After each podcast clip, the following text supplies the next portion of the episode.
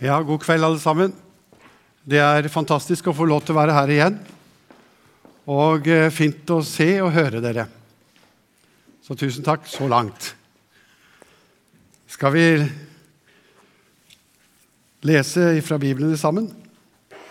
Denne måneden så henter vi da tekster fra Hebrebrevet, eller dette, dette semesteret. Og i dag skal vi altså snakke om temaet 'En frelser som lider med' og eh, som handler om at Jesus Vi skal lese tekster som handler om at Jesus ble menneske, og som deler våre kår. Han ble vår bror, og han lider med oss i våre lidelser. Og Vi leser ifra Hebreerne 2, ifra vers 11b.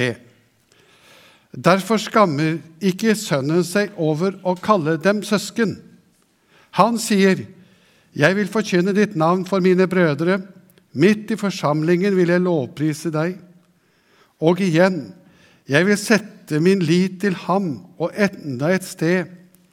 Se, jeg og barna som Gud har gitt meg. Siden barna er av kjøtt og blod, måtte også han fullt ut bli som dem. Slik skulle han ved sin død gjøre ende på ham som har dødens makt, det er djevelen. Å befri dem som av frykt for døden var i slaveri gjennom hele livet. Det er jo ikke engler han tar seg av. Nei, han tar seg av Abrahams ett.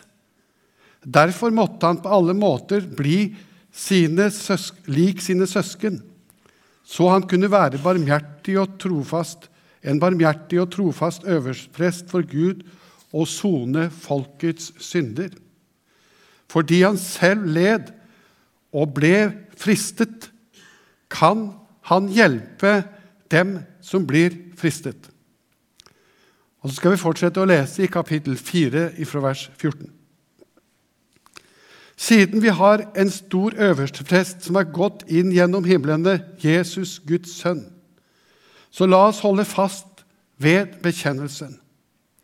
For vi har ikke en øversteprest som ikke kan lide med oss i vår svakhet, men en som er prøvet i alt på samme måte som vi, men uten synd. La oss derfor med frimodighet frimodig tre fram for nådens trone, så vi kan finne barmhjertighet og finne nåde som gir hjelp i rette tid. Kjære Herre Jesus Kristus, vi legger denne andakten i dine hender og ber om at du må vise det for oss, slik at uh, den som kjemper og strir, kunne finne tak i deg og få hvile nå i dag. Dette ber vi om i ditt navn. Amen. For noen år siden, 40 år siden, da jeg gikk på forkynnerlinja på Fjellhaug, så var det en stor diskusjon en stor debatt som eh, på en måte rystet oss litt. Det var en som sa slik Det var professor Jervel. Han sa det den 6. mars 1979 til bladet Vi Menn. Midt på gulvet, sier han, i det himmelske diskotek, så danser horene fra Harlem. Menneskene fra Harlem har kanskje ikke hørt et kløyva Guds ord, og aldri vil de bli omvendt, heller fordi de ikke kan en kristelig stavelse. De vil i flokk og følge marsjere rett inn i Guds rike. Hvorfor sa han dette? Jo, han mente at de hadde lidd nok.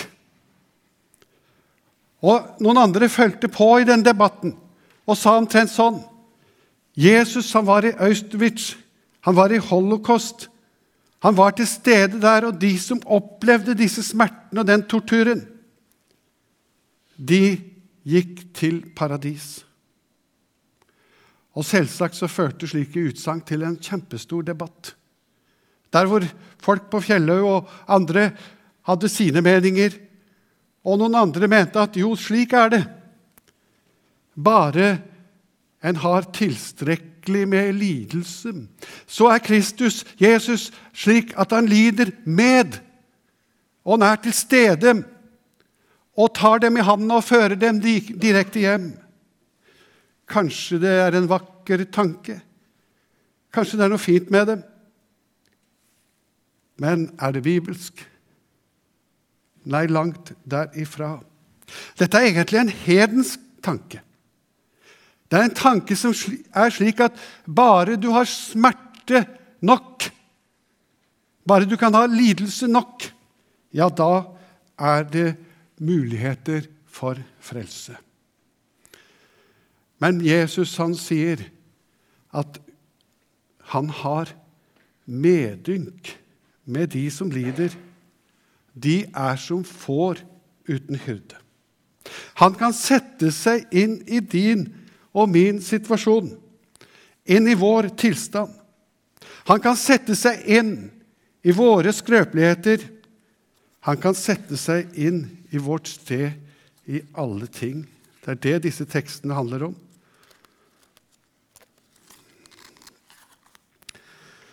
Vi mennesker vi sier at vi kan forstå hverandre veldig godt når vi setter oss inn i et annet menneskes sted.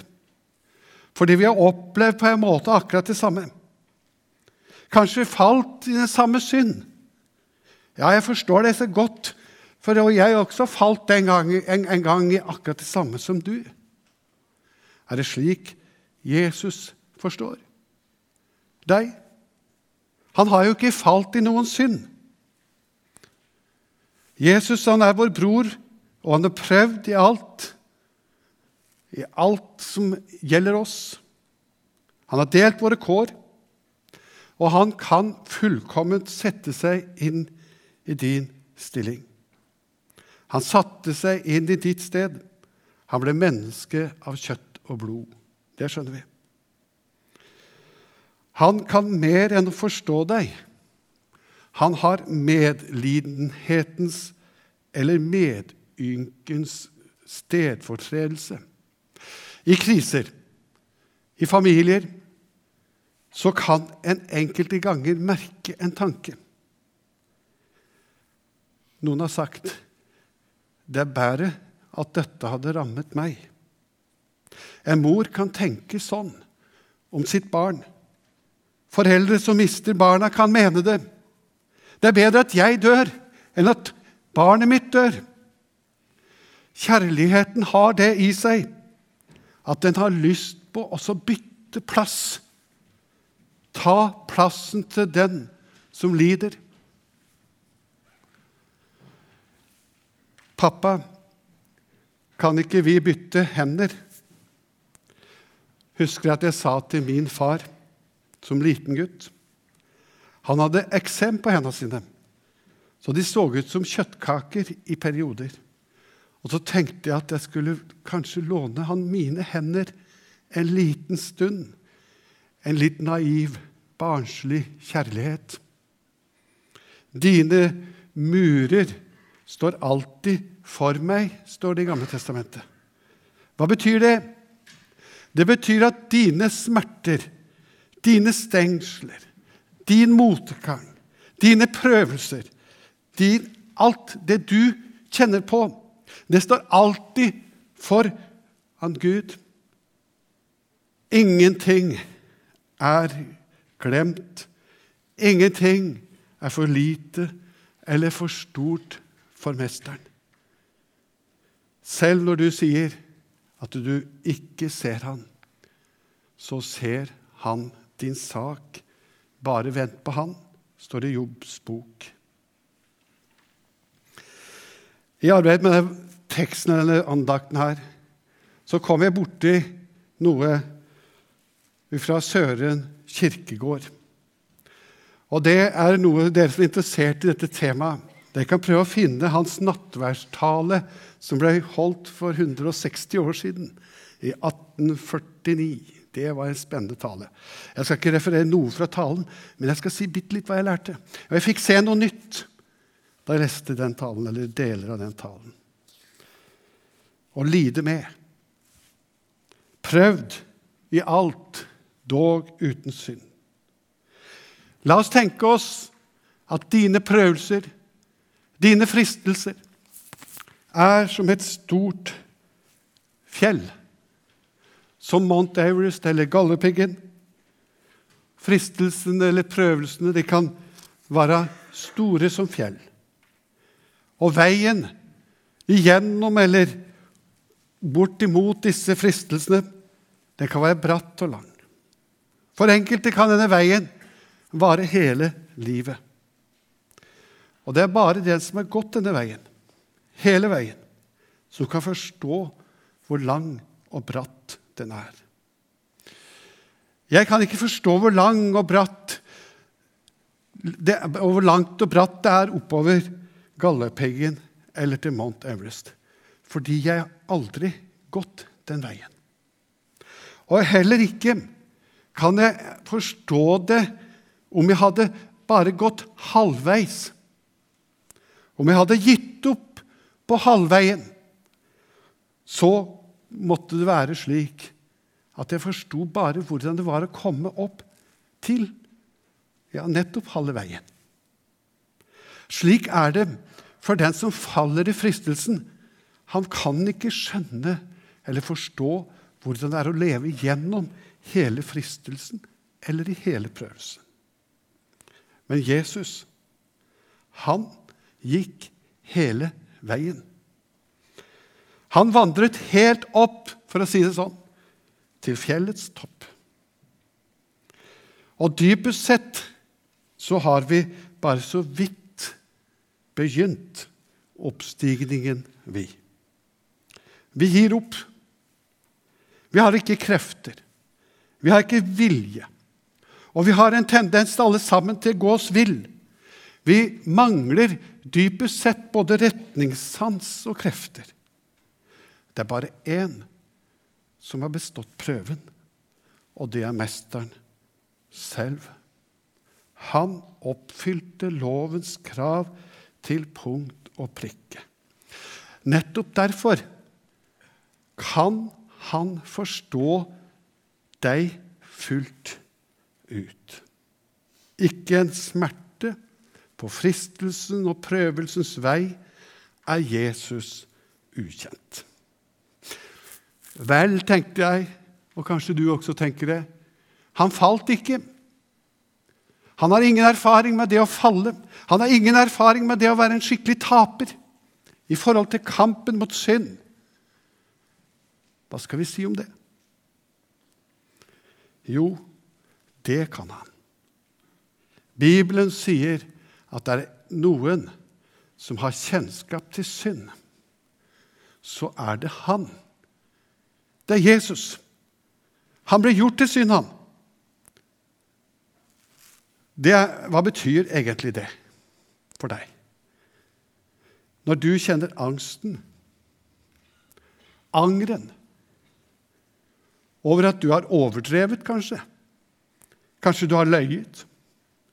Kanskje du har stjålet. Kanskje du har sett porno eller hatt sex utenfor de rammer som Gud har satt. Når du kjenner liksom angeren og smerten over dette, så skal du vite at Jesus vet nøyaktig hvordan dette er. Fordi når han ble gjort til synd, så ble han behandlet som om det var han som hadde gjort denne urett.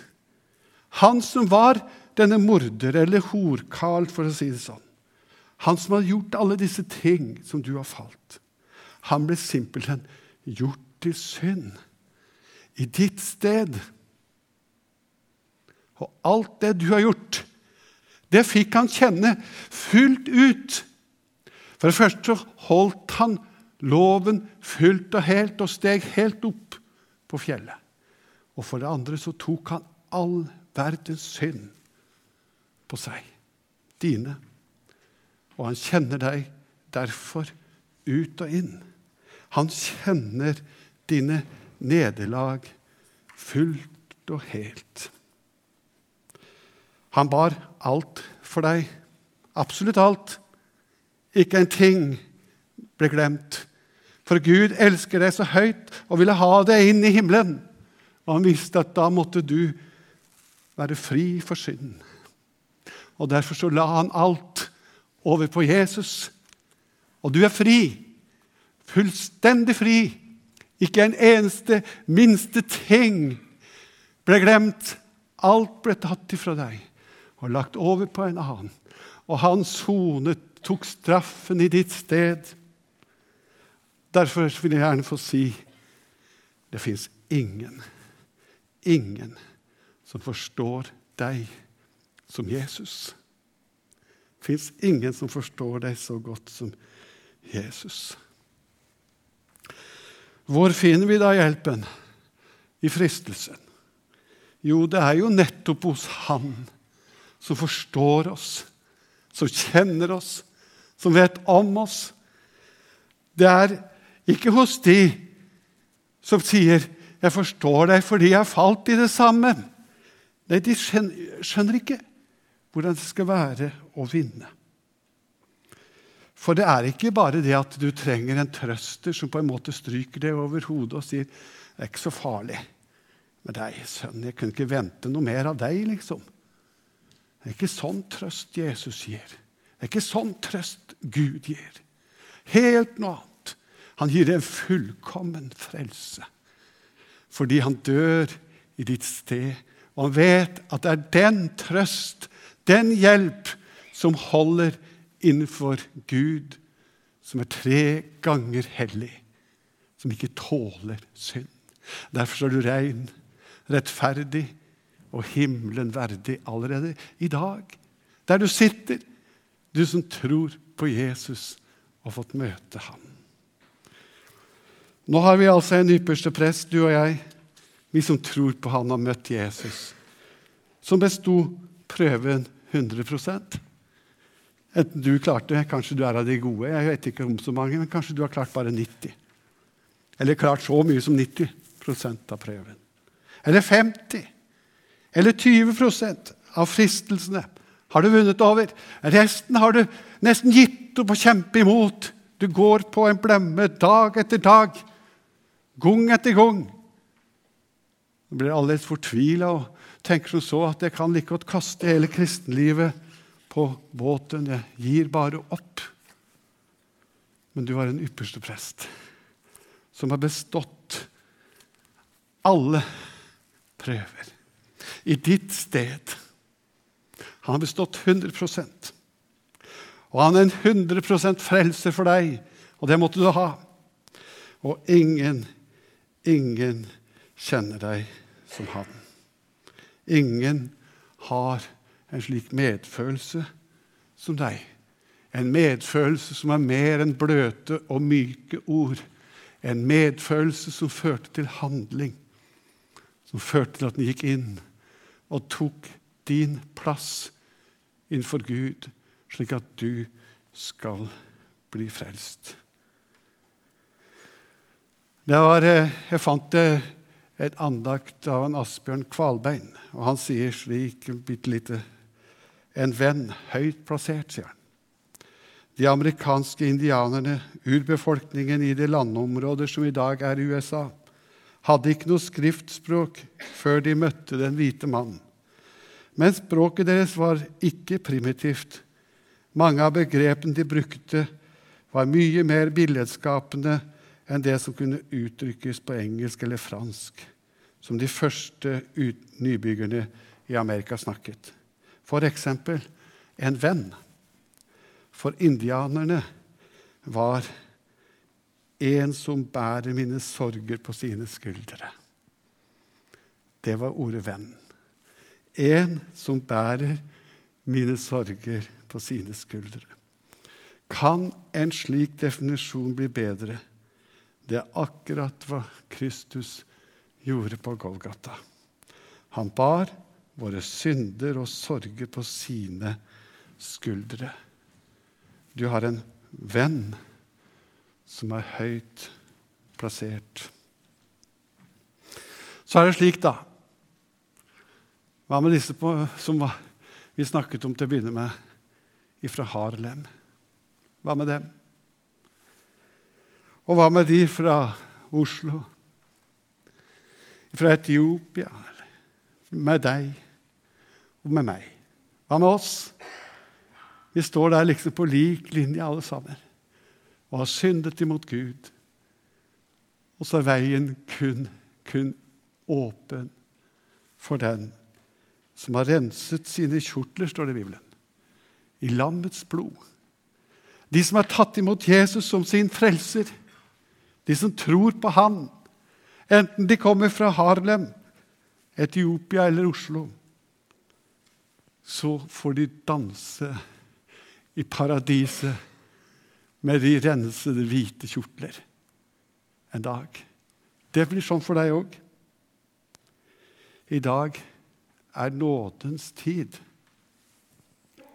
I dag kan du få ta del og bli kjent i, dette, og du kan be denne din venn stige inn til deg. Skulle du hvis du er her. Og tenk hvor heldige vi hadde vært, og glad vi skulle vært om du var her som ikke var en kristen. Som ikke hadde tatt imot Jesus. Som vet med deg selv at du, du, er Du har ikke så mye med dette å gjøre. I dag er det noe som vi kaller for nådens dag. Det betyr at i dag er Jesus her gjennom forkynnelsen, gjennom ordet som prekes. Og så kan du si ja til det ordet i ditt hjerte og si til Jesus, 'Stig inn til meg, jeg vil være din.' En slik venn som forstår meg i alle livets situasjoner. En slik venn vil jeg ha. Så vil han komme inn til deg, og du skal få begynne på nytt. Starte på nytt i dag sammen med Jesus din